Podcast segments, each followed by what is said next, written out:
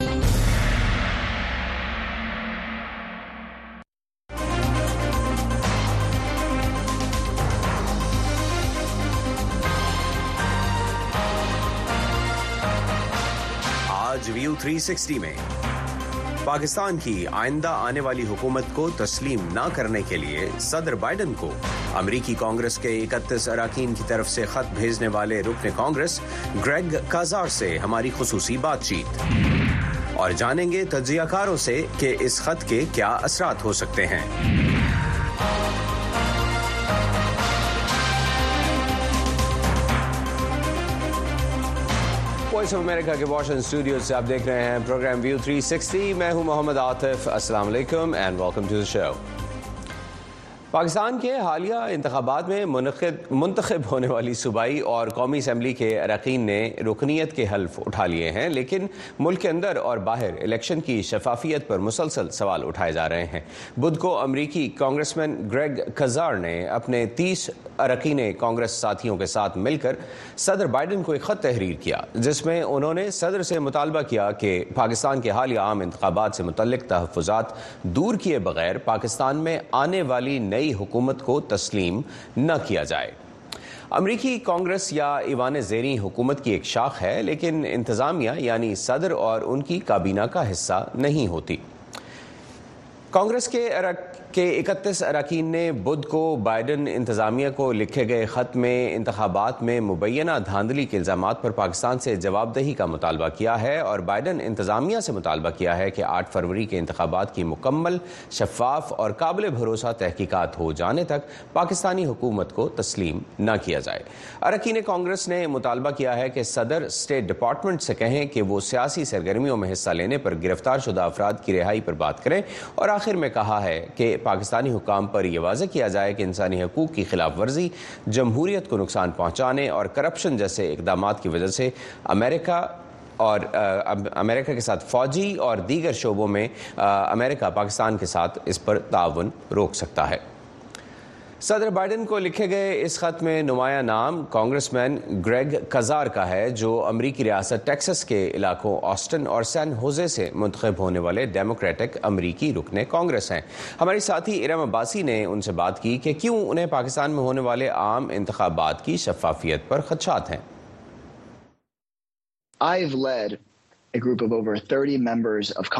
میں نے کانگریس کے تیس سے زائد ارکان کے ایک گروپ کی قیادت کی ہے جس نے امریکہ اور وائٹ ہاؤس سے کہا ہے کہ ایک تو یہ کہ ان کی حکومت تسلیم نہ کی جائے جو کہتے ہیں کہ انہوں نے پاکستان میں الیکشن جیتا ہے جب تک کہ آزادانہ تحقیقات مکمل نہیں ہو جاتی اور یہ واضح نہ ہو جائے کہ دھاندلی نہیں ہوئی دوسرے ہم ان لوگوں کی رہائی پر زور دے رہے ہیں جنہیں سیاسی آزادی اظہار یا محض سیاسی سرگرمی میں ملوث ہونے پر غلط طریقے سے حراست میں لیا گیا ہے کیونکہ لوگوں کو حراست یا تشدد کے خوف کے بغیر غیر صحافی امیدوار یا سیاسی کارکن کے طور پر کام کرنے کے قابل ہونا چاہیے آخر میں ہم یہ واضح کر دینا چاہتے ہیں کہ پاکستان میں میں بلکہ دنیا کہیں بھی فوج کو دی جانے والی امریکی سیکیورٹی امداد کا انحصار انسانی حقوق کے مضبوط معیارات کی تعمیل پر ہے وہ اور سیکرٹری بلنکن کو یہ خط لکھنے کے لیے اکتیس قانون سازوں کے گروپ کو جمع کرنا اور ان کی قیادت کرنے کے لیے آپ کو کس چیز نے متحرک کیا اگر ہم امریکہ میں جمہوریت پر یقین رکھتے ہیں تو ہمیں ہر جگہ جمہوریت پر یقین رکھنا چاہیے خاص طور پر جب بات ہمارے اتحادیوں کی ہو میں نے خود طویل عرصہ مطالعہ کیا ہے کس طرح امریکہ نے لاطینی امریکی ملکوں میں جمہوریت کو دبایا بہت مرتبہ لاطینی امریکی ملکوں میں کہنے کو تو امریکہ جمہوریت کی قیادت کر رہا تھا لیکن اس کی بجائے عمرا کو بڑی کارپوریشن اور فوج کے مفادات کو عوام کی مرضی پر غالب آنے دیا گیا کانگریس کانگریس مین آپ نے ابھی کہا کہ امریکہ نے دنیا میں فوجی بغاوتوں کی کی حمایت ہے کچھ لوگ بحث کریں گے کہ اس خط کے ذریعے آپ امریکہ سے پاکستان کی اندرونی سیاست میں مداخلت کے لیے کہہ رہے ہیں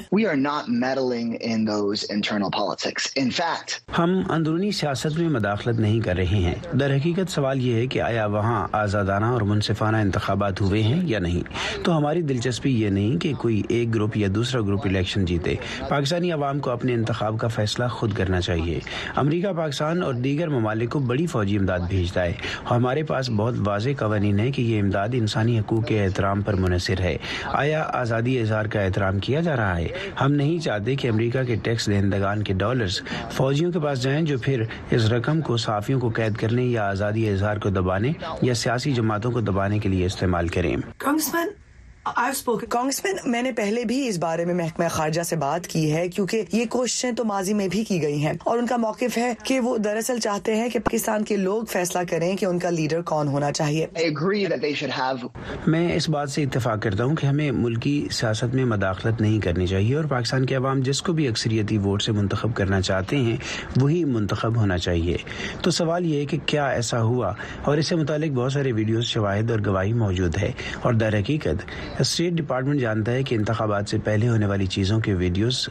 پر شواہد موجود ہیں بہت معتبر الزامات ہیں اور انتخابات کے بعد کے الزامات جو کہ امریکہ کے لیے بہت زیادہ تشویشناک ہیں لیکن اس سے بھی زیادہ تشویشناک پاکستان کے لوگوں کے لیے ہیں اس لیے میں یہ نہیں کہہ رہا ہوں کہ ہمیں بغیر کسی وجہ کے حکومت کو تسلیم کرنے سے گریز کرنا چاہیے ہمیں صرف اس بات کو یقینی بنانا چاہیے کہ پاکستانی عوام کی مرضی سنی جائے آپ کے خیال میں اس خط سے عملی طور پر آپ کیا حاصل کر سکیں گے اگر محکمہ خارجہ کو ماضی میں ایسی درخواستیں موصول ہو چکی ہیں جیسا کہ آپ نے خود کہا کہ اس کی مثالیں موجود ہیں کس طرح صحافیوں کو جیلوں میں ڈالا جا رہا ہے اور کس طرح پاکستان میں کئی آوازیں اٹھ رہی ہیں جو کہہ رہی ہیں کہ انتخابات میں مبینہ طور پر دھاندلی ہوئی ہے حکومت اس کی تردید کر رہی ہے لیکن آپ کے خیال میں آپ اس سے کیا حاصل کر پائیں گے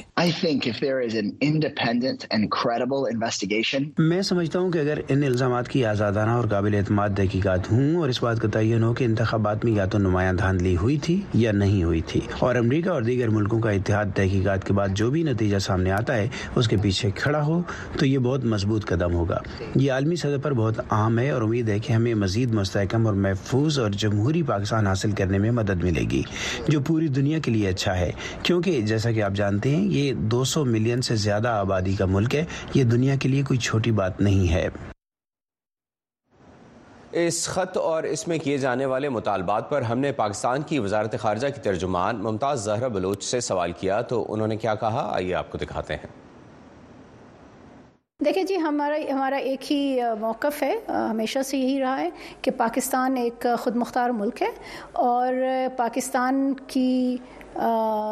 ڈیموکریسی ایک وائبرنٹ ڈیموکریسی ہے اور یہاں پر انسٹیٹیوشنس ہیں میکنزمس ہیں عدالتیں ہیں جو اس طرح کے کوئی بھی شکایات کو ان کے مسائل کو حل کرنے کی پوری کیپیسٹی رکھتے ہیں اور پاکستانی عوام اور پاکستانی انسٹیٹیوشنس آر ہیو دا کیپیبلٹی ٹو ریزالو دس کیس دیز ایشوز ایز ویل وائس آف امریکہ نے پاکستان کی قومی اسمبلی کے نو منتخب نمائندوں سے بھی اس خط کے بارے میں گزشتہ روز بات کی انہوں نے کیا کہا آئیے آپ کو دکھاتے ہیں پاکستان نہیں دنیا بھر کے تمام ممالک جہاں جمہوری سسٹم ہیں ان کا فرض ہے کہ پاکستان میں بھی جمہوریت کے لیے آواز اٹھائیں بنیادی انسانی حقوق کی پامالی کے خلاف آواز اٹھائیں جو نیشنل ہمارا سوئنٹی ہے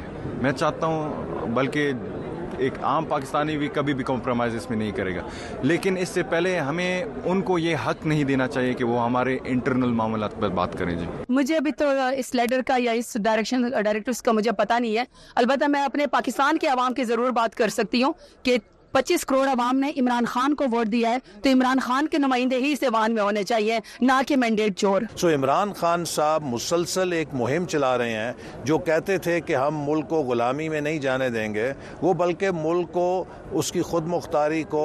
داؤ پہ لگانے کے لیے بار بار ایسے اقدامات کر رہے ہیں جو ایبسلیوٹلی ناٹ کو ایبسلیوٹلی یس میں تبدیل کر رہا ہے آئی ایم ایف کو خط لکھنا کا مقصد یہ ہے کہ پاکستان کی مالی خود مختاری اور سیاست خود مختاری پہ حملہ کیا جائے اسی طرح امریکہ کے کانگریس مین کو لابی کر کے ان سے خات لکھوانے کا مقصد یہ ہے کہ آپ امریکہ کی پاکستان کی اندرونی معاملات میں مداخلت کا راستہ کھول رہے ہیں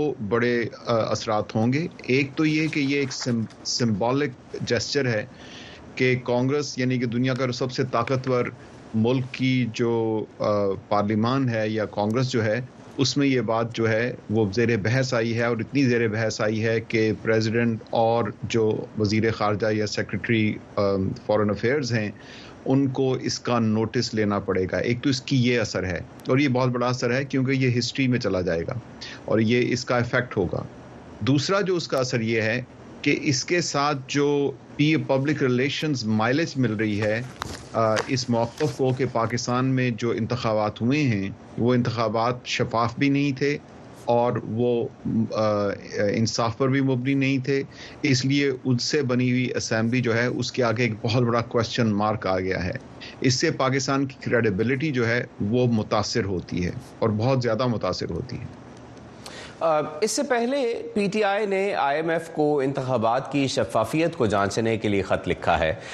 اگر بین الاقوامی اداروں اور طاقتور مغربی ممالک اس بارے میں دباؤ بڑھاتے ہیں تو پاکستان کے سیاسی اور معاشی حالات پر اس کا کیا اثر ہوگا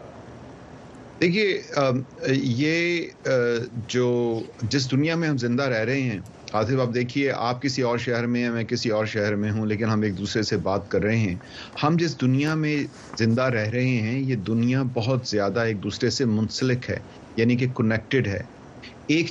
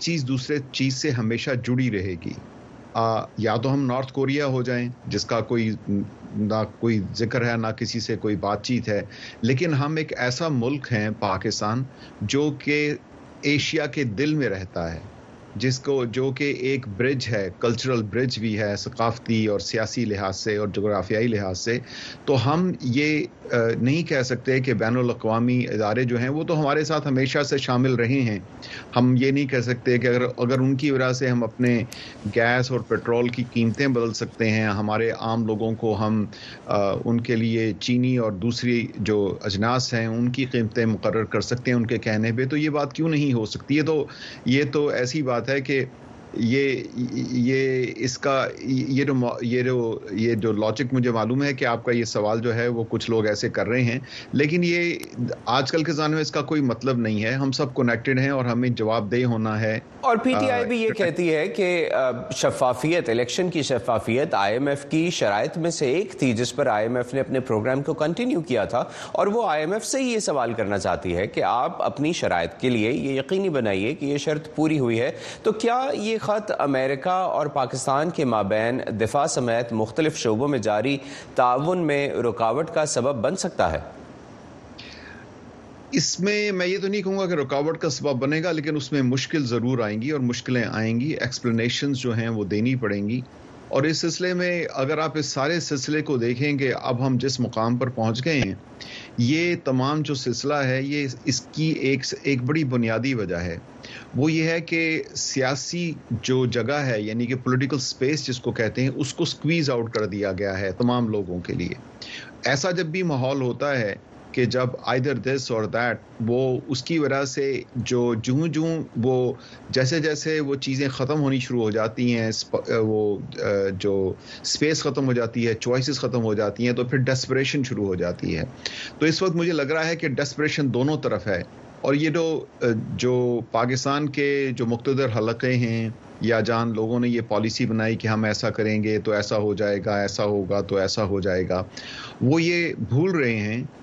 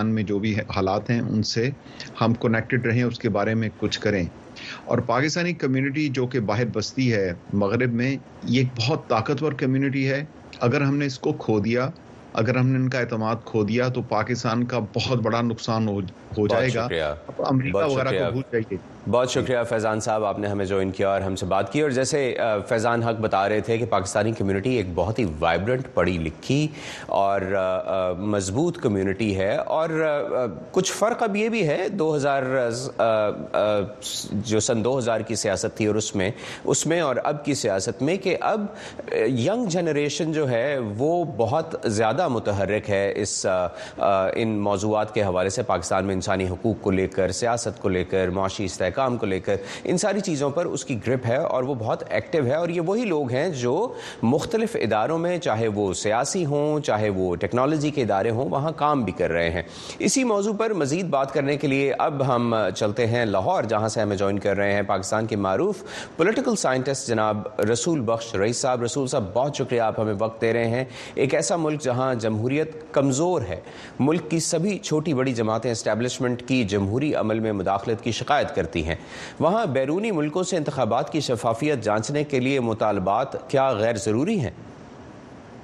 بہت ضروری ہیں اس لیے کہ اگر پاکستان کے اندر کوئی ایسے ادارے غیر جانبدار نہیں رہے جو انصاف مہیا کر سکیں تو ایسی حالت میں جو پاکستان یا کوئی دیگر ممالک ہوں اس کے اندر جو کچھ ہوتا ہے وہ پھر باہر نکل جاتا ہے اور خصوصی طور پہ پاکستان ایک ایسا ملک ہے جو مغرب کا اتحادی رہا ہے امریکہ کا اتحادی رہا ہے اور اس وقت ہماری اقتصادی صورت حال ایسی ہے کہ ہمارا انحصار آئی ایم ایف پہ ہے اور امریکہ اور یورپین یونین کی منڈیوں پہ ہے اور دیگر اداروں میں بھی ہم تعلیم ہے صحت ہے سائنس ہے ٹیکنالوجی ہے تعلیم ہے تو ہم بہت جڑے ہوئے ہیں تو ان اقدار کو جو مغربی دنیا کے اقدار ہے جمہوریت ہے انسانی حقوق ہے اور شفاف انتخابات ہے ایسی چیزوں کو ہم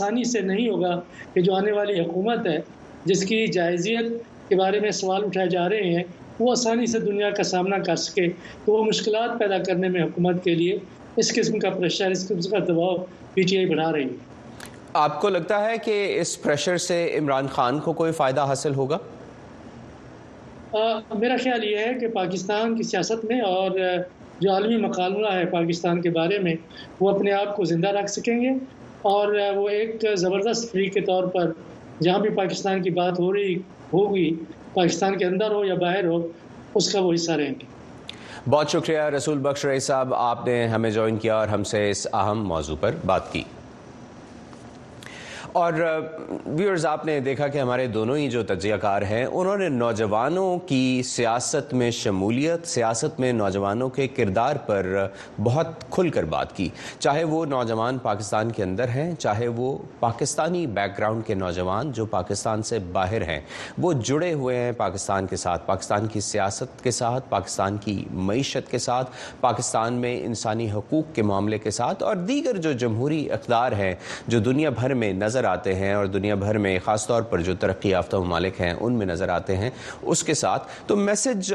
یہاں پر یہی ہے کہ جو نوجوانوں کی آواز ہے جو ووٹرز کی آواز ہے اس کا احترام ہونا چاہیے اور پاکستانی اداروں سے نہ صرف امریکہ بلکہ باقی ممالک اور ایسے ادارے یہی توقع کر رہے ہیں کہ وہ الیکشن کے بارے میں جو سوالات ہیں جو اعتراضات ہیں ان کی شفاف تحقیقات کریں اس کے ساتھ ہی ہمارے آج کے پروگرام کا وقت ختم ہوتا ہے پاکستان اور خطے سمیت دنیا بھر کی اہم خبریں خبروں کے لیے آئیے ہماری ویب سائٹ اردو وی او اے ڈاٹ کام پر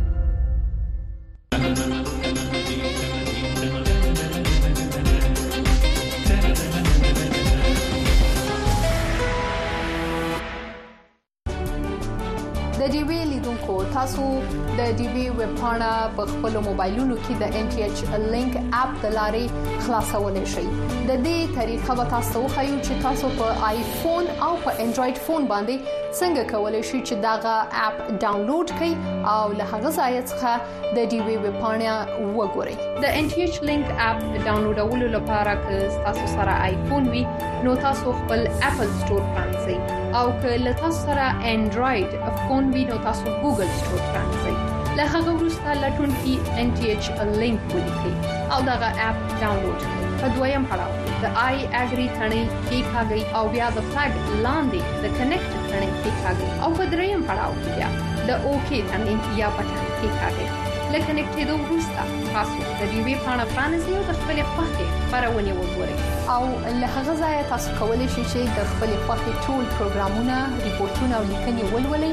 او وګورئ.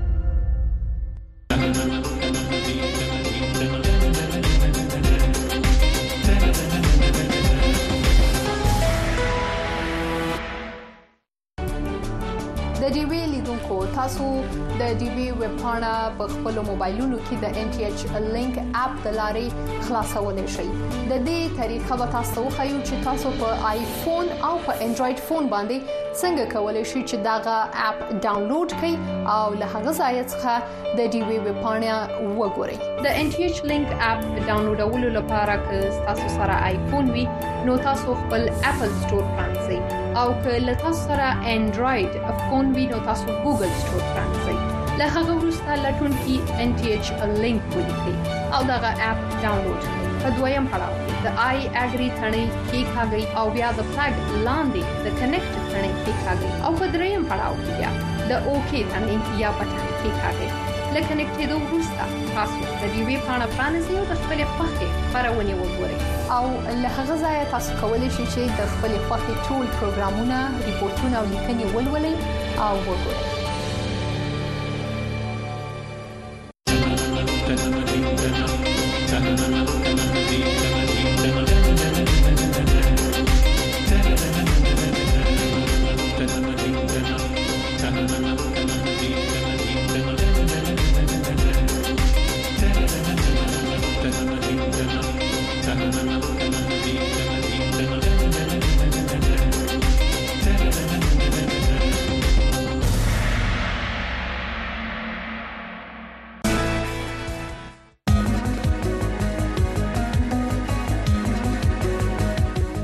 نن او وزیا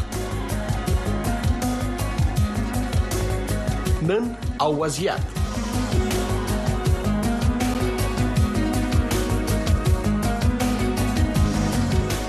قدرمن اوریدونکو السلام علیکم زه احمد الله چوال د نن وضعیت د امریکا غږ په دینه نړۍ خبرونه کې ستاسو کوربه یم د تېرې فبرورۍ میاشتې پر اتمه په پاکستان کې د قامي اسمبلۍ یا ولسي جرګې او ایالتي اسمبلیو له ناندریو ډکې ټاکنې ترسره شوې.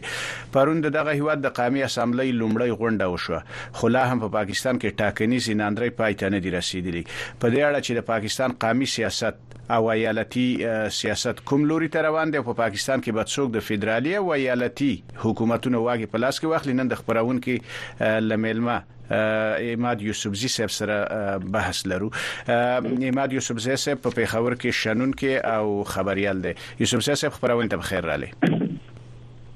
ډیر مننه چې والد صاحب کور ودان اماد تاسو خبرې اورئ جی تاسو غږ روان دی ایما تاسو زما خبرې اورئ کلیک په لار باندې یما نو لګ اواز کلیک مسله کې شي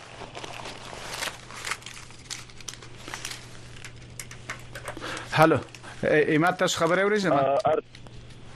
او جی چې وخت تاسو غږ روان دی مننه خبرونه ته په خیر رالي زما پښتنه دا ده لکه څنګه چې تاسو په جریان کې وای چې نن په پاکستان کې د قامي اسمبلی لومړی غونډه وشوله له دې وړاندې د پاکستان ولسمشر ډاکټر عارف علوي دغه غوښتنه چې د پاکستان د قامي اسمبلی لومړی غونډه راوبلي رد کړې و نو دغه غونډه څنګه تر سره شو ولسمشر خپل خبرې نه پشا شو او کنه د هغه د حکم برخلاف غونډه تر سره شو داسې دار چې وال صاحب چې پاکستان کې دوه قسمه د غدي صدر نه صدر لخوا بیا بیا لم لیټ کېده د قامي سملې غونډه را بللې دوه کې نو بیا یو بل لار داسې و چې د د قامي سملې سیکریټری چې کوم دی دا غو په ذریعہ باندې دا غونډه را بللې شو دا غې نه پس دا غونډه عملی شو ښه نو لکه څنګه چې تاسو ویل دوه لارې قانوني دي خو زیاتره رواج دا و چې ولسمشر به دغه غونډه رابلی نو د ولسمشر لخوا د غونډې نه رابلل او دا غینه انکار کول او به د سیکرټري لخوا د غونډې رابلل دا په سیاسي لحاظ باندې څومره یو جنجالي موضوع ده دا یو زیان دی دا پاکستان سیاست په داسې ډول باندې دی چې کله یو پارټي په حکومت کې راشي نو بل پارټي ولا لکه سخت ور کوي تحریک انصاف او د مسلم لیګ نونو پیپلز پارټي اړیکې په تیر وختونو کې چې کوم به تیر خنري پاتې شوی نو دا غي اثرات کوم وخت ډاکټر عارف علوي کوم چې ولسمشر دی د پاکستان نو د هغه په صورت کې موږ ته یو ځل بیا په نظر راغی چې هغه د نون لیګ او پیپلز پارټي چې کوم غړي دي هغه لا سخت ور کولو لپاره دا غونډه د لم لیټ دا بیا ښکاروله او معاملې دا وا چې ځنی غړو باندې د یو کیسو روان دي یا نور معاملات دي نو په دې جواز باندې دا لم لیټ ښکار کوله او بهرحال د قامي سملې غونډه چې کوم دا به راغوښتل کېدل ک صدر ته پکې ډېر مخډانه چول یو قانوني او آئيني مسله و نه هغه هم حل کېده خه د پاکستان د قامي اسمبلی په لومړی غونډو کې غونډه کې عموما د قامي اسمبلی لپاره یو لړ ټاکنې کیږي نن چې کومه غونډه وشو په دې کې د کوم څوکۍ لپاره ټاکنې وشوي دا دا ارجوان صاحب چې د پاکستان د قانون او آئین تر مخه رومبه چې کله د قامي اسمبلی نوي غړي هاوس تراشي نو هغه رومبه د سپیکر او ډیپټي سپیکر هغه کوي نو نن د سپیکر ټاکل شوی دا هغه ټیکنیکل مستریان خه ستاسو دا غږ لک کټ کیږي یوسف زیسب کې دا غږ لګ لوړ کوي او یا دا غزیت هم تغیر ورکړي ستاسو خبره مونږه صحیح وانه اوریدله خه مهرباني خبرې وکړئ صاحب زه فکر کوم چې د یوسفزی صاحب ټلیفون قطع شو زمنګ همکاران به کوشش وکړي چې دوباره یوسفزی صاحب ته ورشي خو لکه څنګه چې موږ په خبرونو کې ام وختي ام تاسو واوریدل او موږ په تفسیره کې ویل چې په پاکستان کې نن دغه هیواد د قامي اسمبلی لومړنۍ غونډه وشوله او په دغه غونډه کې د پاکستان د قامي اسمبلی کم رئیس چې د یو سپیکر وي دغه د لپاره ټاکنې وشوې د پاکستان د مسلم لیگ د ګوند ستړاو لرونکي یو شخص چې دغه نومایا صادق دی د پاکستان د قامي اسمبلی رئیس وټاکل شو لدې وړاندې د پاکستان دغه کوم ګوندونو چې په ټاکنو کې ډېر څوکۍ تر لاسه کړې وي هغه د پاکستان د ولسمشر نه غوښتنه کړې و چې په پاکستان کې د قامي اسمبلی غونډه راوبلي خو د پاکستان ولسمشر د قامي اسمبلی د غونډې راوبللو څخه انکار کړي خو لکه څنګه چې تاسو د یوسف سیسه په خبرو کې واورید بل اخیرا دوی وته یو بل قانوني لار پیدا کړو په پاکستان کې د قامي اسمبلی لومړنۍ غونډه تر سره شول د غونډې نه داسې خبرونه راغلي دي چې په پاکستان کې په دغه غونډه کې ډېر زیاتې د یو بل په خلاف باندې د قامي اسمبلی غړو ناره وهلې جنجالونه او څوګي خبرو ته نه پرې خودل نو زمونږ موضوع هم دغه د هله د چې یوسفزی صاحب زمونږ سره بیرته ملمشي په خبرونه کې او د یوسفزی صاحب سره د پاکستان د ټاکنو د پایلو او هلته د قامي د فدرالي حکومت او د ایالتي حکومتونو د جوړېدو په اړه خبرې وکړو او په دې خبرې وکړو چې په پاکستان کې دغه سیاسي ناندري د پاکستان لپاره کوم کومې پایلې لري په افغانستان به څه منفي عواقب وي په پاکستان کې داسل چې کومې ټاکرې وشولې په دې کې بلا بیلو ګوندونو په دغه ټاکنو کې د پراخه درغلیو تورونه لګولې دي نن د قامي اسمبلی کوم غونډه چې وشوله په دې غونډه کې د ملتپال ګون پښتونخوا ملي عوامي ګون مشر محمود خان اڅکزي هم خبرې وکړلې او محمود خان اڅکزي د پاکستان په پا پاوز هم نیوکه وکړلې او هغه د عمران خان د ازادي د غوښتنه وکړله نو هیله ده چې یوسفزی صاحب زمونږ خو هیله ده چې یوسفزی صاحب مونږ سره مل شي او خبرونه تراشي نو د یوسفزی صاحب ټلیفون فکر کوم کار نه کوي البته یوسفزی پاکستان کې وای باران نه دي نو به هم مونږ کوشش کوو چې یوسفزی صاحب راولو یوسفزی صاحب په خیره لخبرونه ته استاد ټلیفون قطع شوی هلو یوسفزی صاحب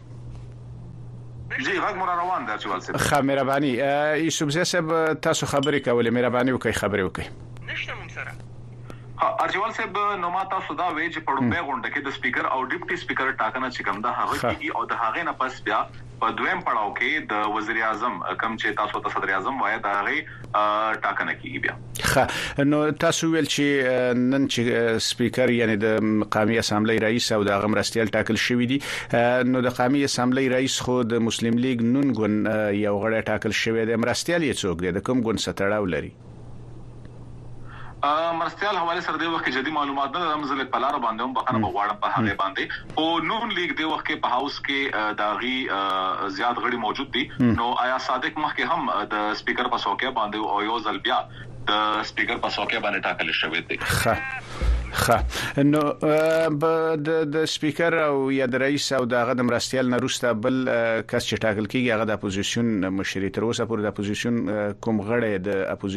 سون د رئیس په توګه ټاکل شوی که د هغه لپاره لا ټاکنې نه دي شوي؟ ارچیوال صاحب په دې به زه دا ووایم چې د وزیراعظم او د وزیرانو نه پس کوم چې له ټولو مضبوطه څوکۍ ده قامي اسمبلۍ کې او په ملکي سطح باندې هغه د اپوزیشن لیډر ټاکنه چې کوم ده هغه دا ده ځکه چې هغه د پبلک اکاونټس کمیټې چیرمن هم هي او یو ډیر زیات طاقت لري او واک اختیار ډیر زیات دي نو په دې باندې د وخت کې اوس ځکه چې د تحریک انصاف ون کوم چې دا وخت اپوزیشن کې دی نوي هغه سره کم اس کم ووټونه چې کوم دی برابرېږي نن چې کله د سپیکر او ډیپټي سپیکر ټاکنه کېده نو په هغه کې هم آیا صادق ته یو سل نوینا سیوا او دغه شانتي د تحریک انصاف چې کوم نو نومول شوی د سپیکر څوکۍ د پاره غړو د هغه په حق کې نوي ووټونه چې کوم دی هغه راغلي نو ښکاری خدا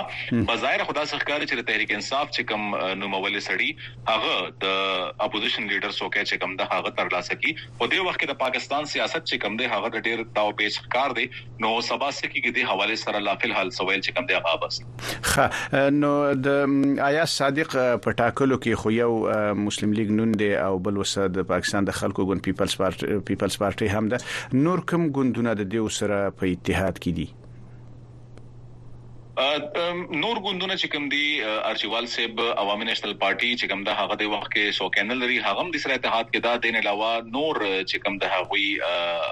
مرستيالي پارټي دي او وړي وړي پارټي دي لس غړي دي وسره 15 لس غړي دي وسره داسې نور آزاد اراکین هم دي کم چې مطلب یو آزاد خیال لري هغه هم پکې شامل دي اغي د وخت کې دغه نون لیک سره مرسته کړې ده د سپیکر ټاکنه خه نن د پاکستان د قامي اسمبلی په غونډه کې ډېری زیاتې نارې وي ډېری چغې وي او خلکو وینا کوونکي خبرو ته نه پرې خودل چې دا په پاکستان کې مخکې په دې کچه دومره غال مغال کله په اسمبلی کې اند شوي خلک د دغه حالت په اړه څومره اندېښمن دي دا حالات چې کومو دا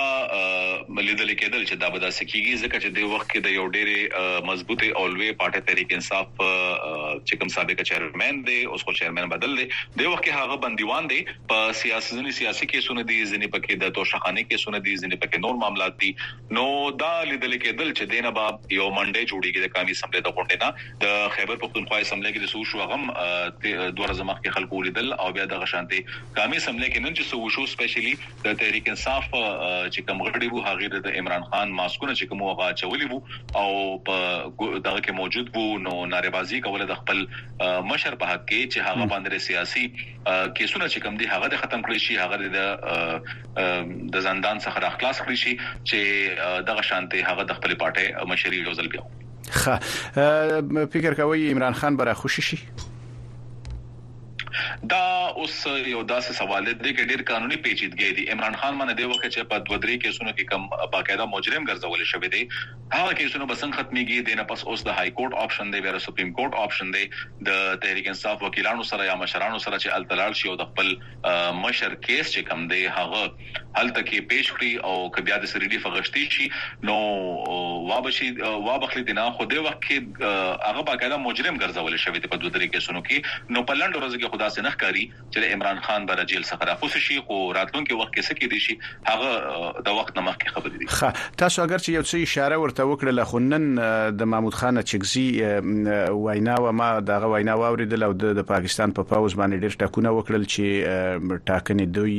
یرغمل کړې دي او په ټاکنو کې لاس وهنه کړې ده زیاتره ګوندونه هم دا خبرې کوي عمران خان هم دا خبرې کوي نېشنل نېشنل ګوند هم دا خبرې کوي ټول دا ګوندونه هم دا خبرې کوي دا مهال داسې کوم ګوند چې هغه د پوز سره ډیر نږدې دی چې هغه د درغلیو خبره نه کوي او هغه وی چې ټاکنې صحیح شوې داسې کوم ګوند شته چې ټول هم دغه نریټیو یا روایت په مخ کې بوزي ارچوال صاحب هغه ګوندونه به کم چې مخامخ کاری هغه ګوندونه به ټګي برګي خبره نه کوي کم چې د وخت حکومت کې را روان دي دا خو یو ښکارا خبره ده کم ګوندونه چې اپوزیشن کې به یا هغه د سټونو نه ملاو شوي عوامي نېشنل پارټۍ د الېکشن نه مخکې دریځ چې کوم وو هغه یو شان وو اوس د الېکشن نه وروسته ټاکنو وروسته دریځ مکمل دی وخت کې انټي اسټابلیشمنت ښکاری ایم الولي چې کوم دی وخت کې د نوتیز بیانونه ورکي د هغې نه لګي چې روان وخت کې د عوامي نشل پارټۍ د غشانتي مولانا فضل الرحمن چې کوم دی د جمعیت علما اسلام فیډ له مشر چې کوم دی هغه په فوز باندې نه خپل غړي ټکونه وکړل او په ټاکنو باندې یو څه سوال نه پورته کړل محمود خان اچکزی بیانونه چې کوم دي هغه د عمران خان په حق کړي را روان دي او بیا بیا دا وایي چې د تحریک انصاف منډیټ وو نو دې وخت کې زیاتره میدان کې هغه ګوندونه کومو ته چې په الیکشن کې بریا نه را تر لاسه شوې نو هغه دې وخت کې نیغ په نیغه دا وایي چې اسټبلشمنټ دې کې لاس لرلو او دغه شانتې مسلې کړي دي خو مسله همدا ده چې ثبوت سره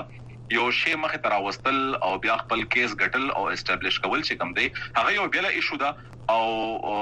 ټکونه کول چې کوم دی هغه یو بیله مسله ده. ښه محمود خان نن په خبرو کې د عمران خان د راخوشي کېدو غوښتنه هم کوله چې محمود خان اڅکزی پخوا د عمران خان د ګوند مخالف ګوند و. فکر کوئ چې د عمران خان او محمود خان اڅکزي او نورو قوم ملتپالو ګوندونو ترمنځ د کوم اتحاد د رامنځته کېدو امکان موجود دی؟ دا سیاست دی ارچیوال صیب که د مشرف دور کې مونږ وګورو نو هغه دور کې هم عمران خان محمود خان اچکزی او دغه شان مولانا فضل الرحمن ته ډیر نږدې وو خو د کال دوه زره لسم نه پس د دې ګوندونو لارې بدلې شوې خپل خپل لارې واغشتلې بیا چې کله دوه زره دیارلسم کې عمران خان ته د خیبر پښتونخوا حکومت ملاو شو نو مولانا فضل الرحمن په ډیر زیات شور او غوغا کوله چې خیبر پختونخوا کې قصدن عمدن تحریک انصاف ته حکومت ورکړ شو او د هغوی پارټي چې کوم دا هغه سایډ لاین کړی شوې ده دغه شانته د کال 2013 ټاکن ورستو بیا مکمل د عمران خان ډیر زیات د محمود خان اچکزی پر ضد او دغه شان د مولانا فضل الرحمن پر ضد باندې یو ناروا خلا چلوله دغه شانته مولانا فضل الرحمن لخوا چې کوم دی نېغ په نېغه تحریک انصاف په چیرمن باندې ذاتي ټپونه هم کېدل نو سیاست دی سبا څه کېږي د چا مفادات کوم ځای کې دي هر سړی به خپل مفاد ته ګوري چې کوم ځای کې د هغه د راتلونکي مفاد دی نو دا باید چې دا مسلې وشي چې یو بل سره اتحاد وکړي ځکه چې سیاست وکول دي نو سیاست چې کوم دی هغه د فل سټاپ یو اواز نه دی مطلب یو څېره چې رانیسل چې کوم دی هغه چرته هم سیاست کې د کامیابی موخه نه ده. ښه مخکې بیلابیلو ګوندونو ویلو چې دوی د پاکستان د ټاکنو د پایلو پر خلاف د پاکستان سترې محکمې ته ورزي او دغه پر خلاف عریضه وړاندې کوي فکر کوي چې دغه کار به تر سره شي او که تر سره شي کومه ګټه به ولري او کنه دغه کومې پایلې چې وسنۍ دي دغه ورستۍ پایلې دي مسله دا ده ارچوال صاحب چې عدالتونو کیسونه چې کوم دي هغه ډیر وګت چلیږي د نمخ کې د قامي اسمبلی چې کوم یو باقاعده دغه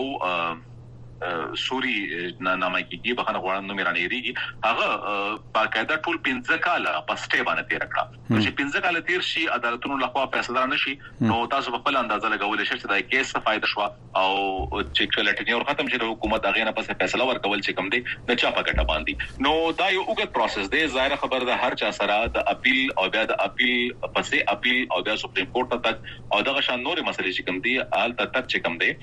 نو هر چا سره لارې کولاو دي او کیسونه به ترکمه پوریزي او فیصله به کله وشي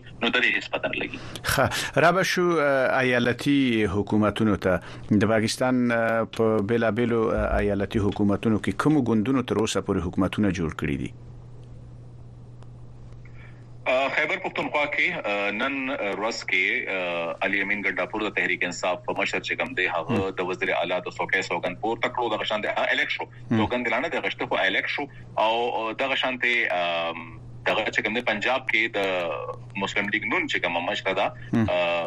مریم نواز هغه حکومت جوړ کړو او سند کې د پیپلز پارټي حکومت دی د بلوچستان حواله سره ځکه چې منډیټ لا ډیر تقسیم دی معاملات په مخ کې مخ پروان دي څنګه زی د هغه حواله سره لا سویل چې کوم دی دا وخت روان دی خبره ده خو د جمعیت علماء اسلام فی چې کوم دی ریپرزنټیشن شته دی هلته هلته دغی غړي هم شته دی د پیپلز پارټۍ غړي هم شته دی د نون لیګ هم غړي شته دی او را روان وخت کې اتحادونه چې کوم دی بلوچستان یو ډیر کمپلیکس غونته کې سچویشن دی هلته جنجالي غونته کې حالات دی کله یو کال یو پارټي حکومت وکړي بل کال بل پارټي راشي نو هلته سیاسي کړکېچ چې کومه په خپل ځای باندې خو دی وخت کې مستحکم حکومتونه چې کوم جوړ شو خیبر پختونخوا کې پنجاب کې او سند کې نو خیبر پختونخوا کې تحریک انصاف شو پنجاب کې مسلم لیګ نون شو او دغه شانته په سند کې پیپلز پارټي شو خا یو اندېښنه چې د خیبر پښتونخوا او د بلوچستان د سیاسيونو سوا هغه دا و چې په مرکز کې د خیبر پښتونخوا او د بلوچستان ایالت نمائندګي نشته د سند او د پنجاب نمائندګي شته چې د یو نمائندګي مسلم لیګ نواز شریف کوي او د بل نمائندګي سرداري کوي نو د دې اندېښنه دا و چې دغه سیاسي جوړجاړی به په خیبر پښتونخوا په حالاتو باندې او د بلوچستان په حالاتو باندې ناوړه غیسي وکړي ستاسو ارزونه څه ده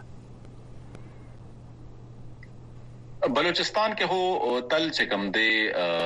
مطلب اتحادي حکومتونو راغلي دي الته د یو پارټي کله هم داسې واضحه اکثریت نه راغلی چې حکومت داسې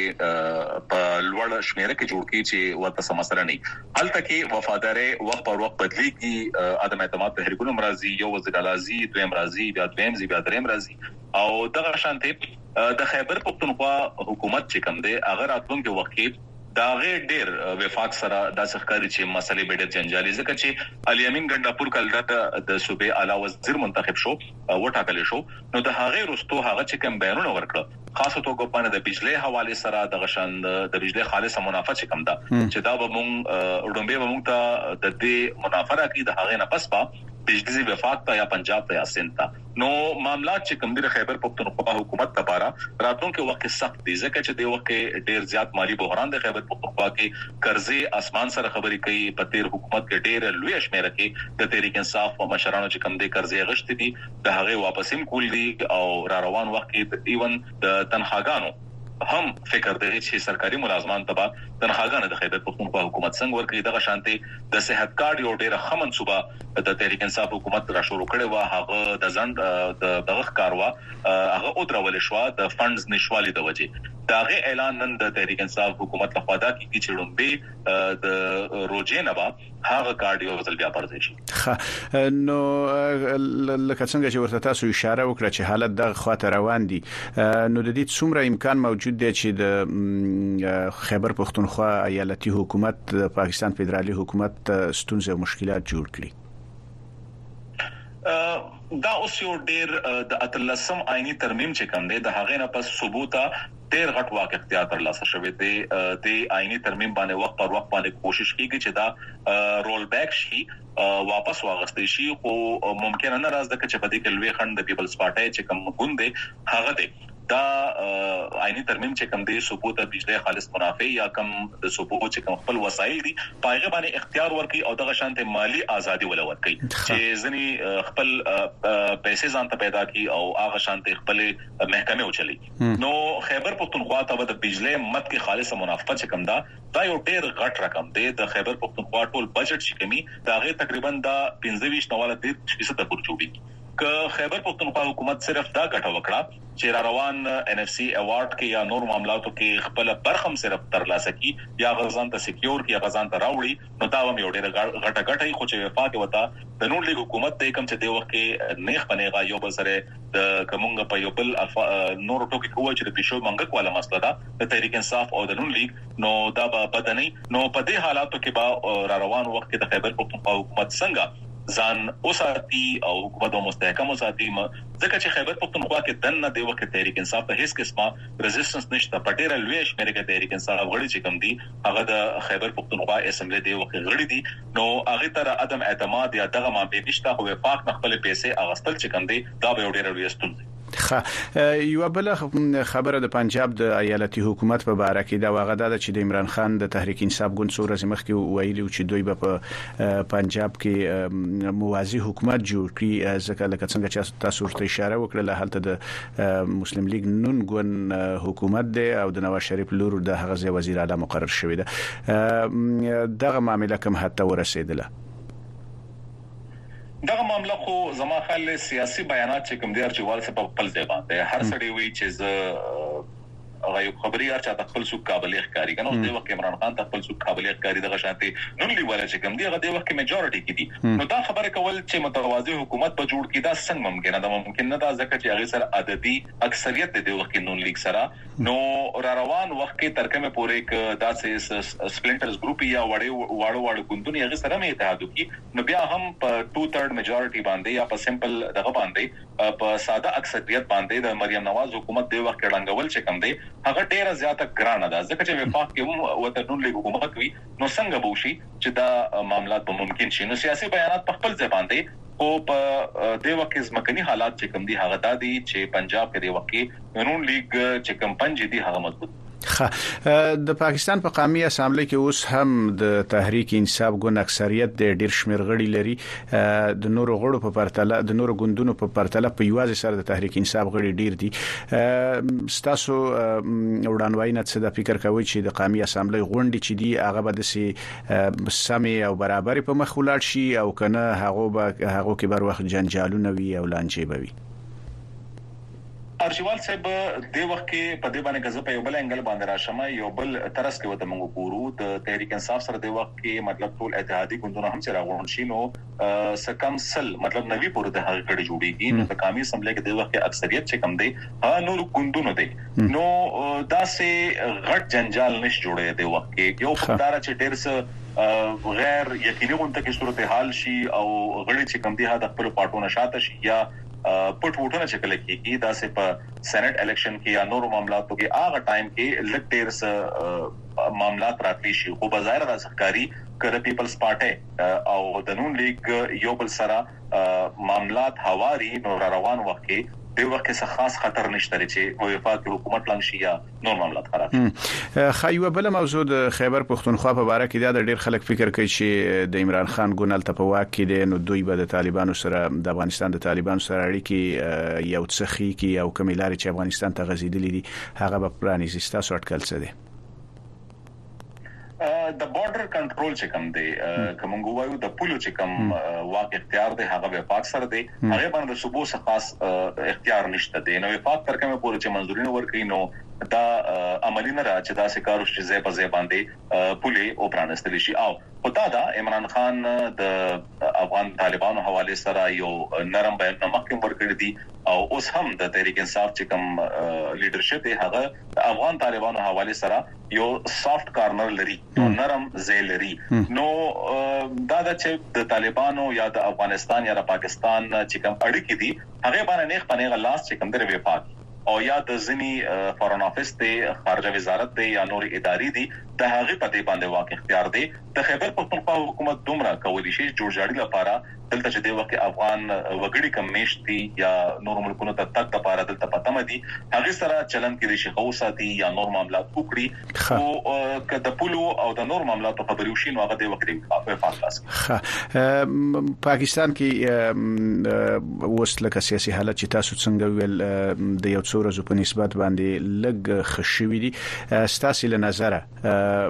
دغه اوسنی روان حالت به د پاکستان په اقتصادي، سیاسي او امنیتي حالت باندې څه اغیزه وکړي؟ کله چې سیاسي جوړجاړي سیاسي استحکام نو دا معاملات چې کوم دي هغه د قواري په لور باندې دا انټرنیشنل فینومینن دی دغه شان د آی ایم ایف چې کوم معاملات دي پاکستان ته پنګ ورکولو هغه باقاعده سیاسي استحکام چې کوم دی په هغه باندې ډېر جوړ نظر دی نو نون لیګ نه پس یا د پیپلز پارټۍ د مشرانو نه پس هغوی تحریک انصاف مشر سره هم د ملاقات دې وخت کې دا ویل کیدل چې ډیر زر به عمران خان سره د آی ایم ایف وخت چې کوم دی ملاقات کوي چې سیاسي معاملاتو باندې ځان پوهیږي او د پاکستان راتلونکي حوالې سره د هر ادارې د هر ارګنایزیشن چې کوم دی خپل پالیسي هغه نه پس خپل پالیسي ترتیب کی نو آی ایم ایف پروګرام چې کوم دی مخ روان دي څنګه زی او نور معاملات چې کوم دي ځکه چې دینه مخکې هم د نون لیګ حکومت پاتې شوی نو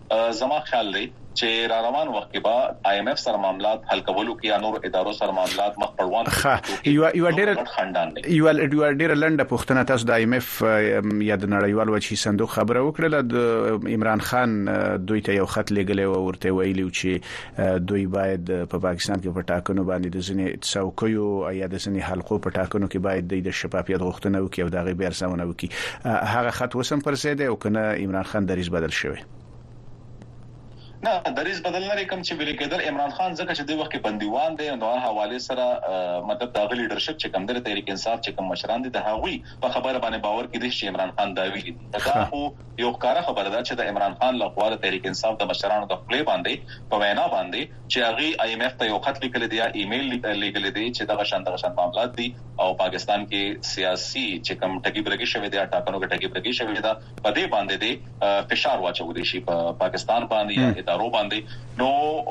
دا معاملات خوشته خو آي ايم ايف هم يو خپل منډيټ دی يو خپل ځای پورې يو خپل حد پورې هغه خبره هم کولې شي نور فشار هم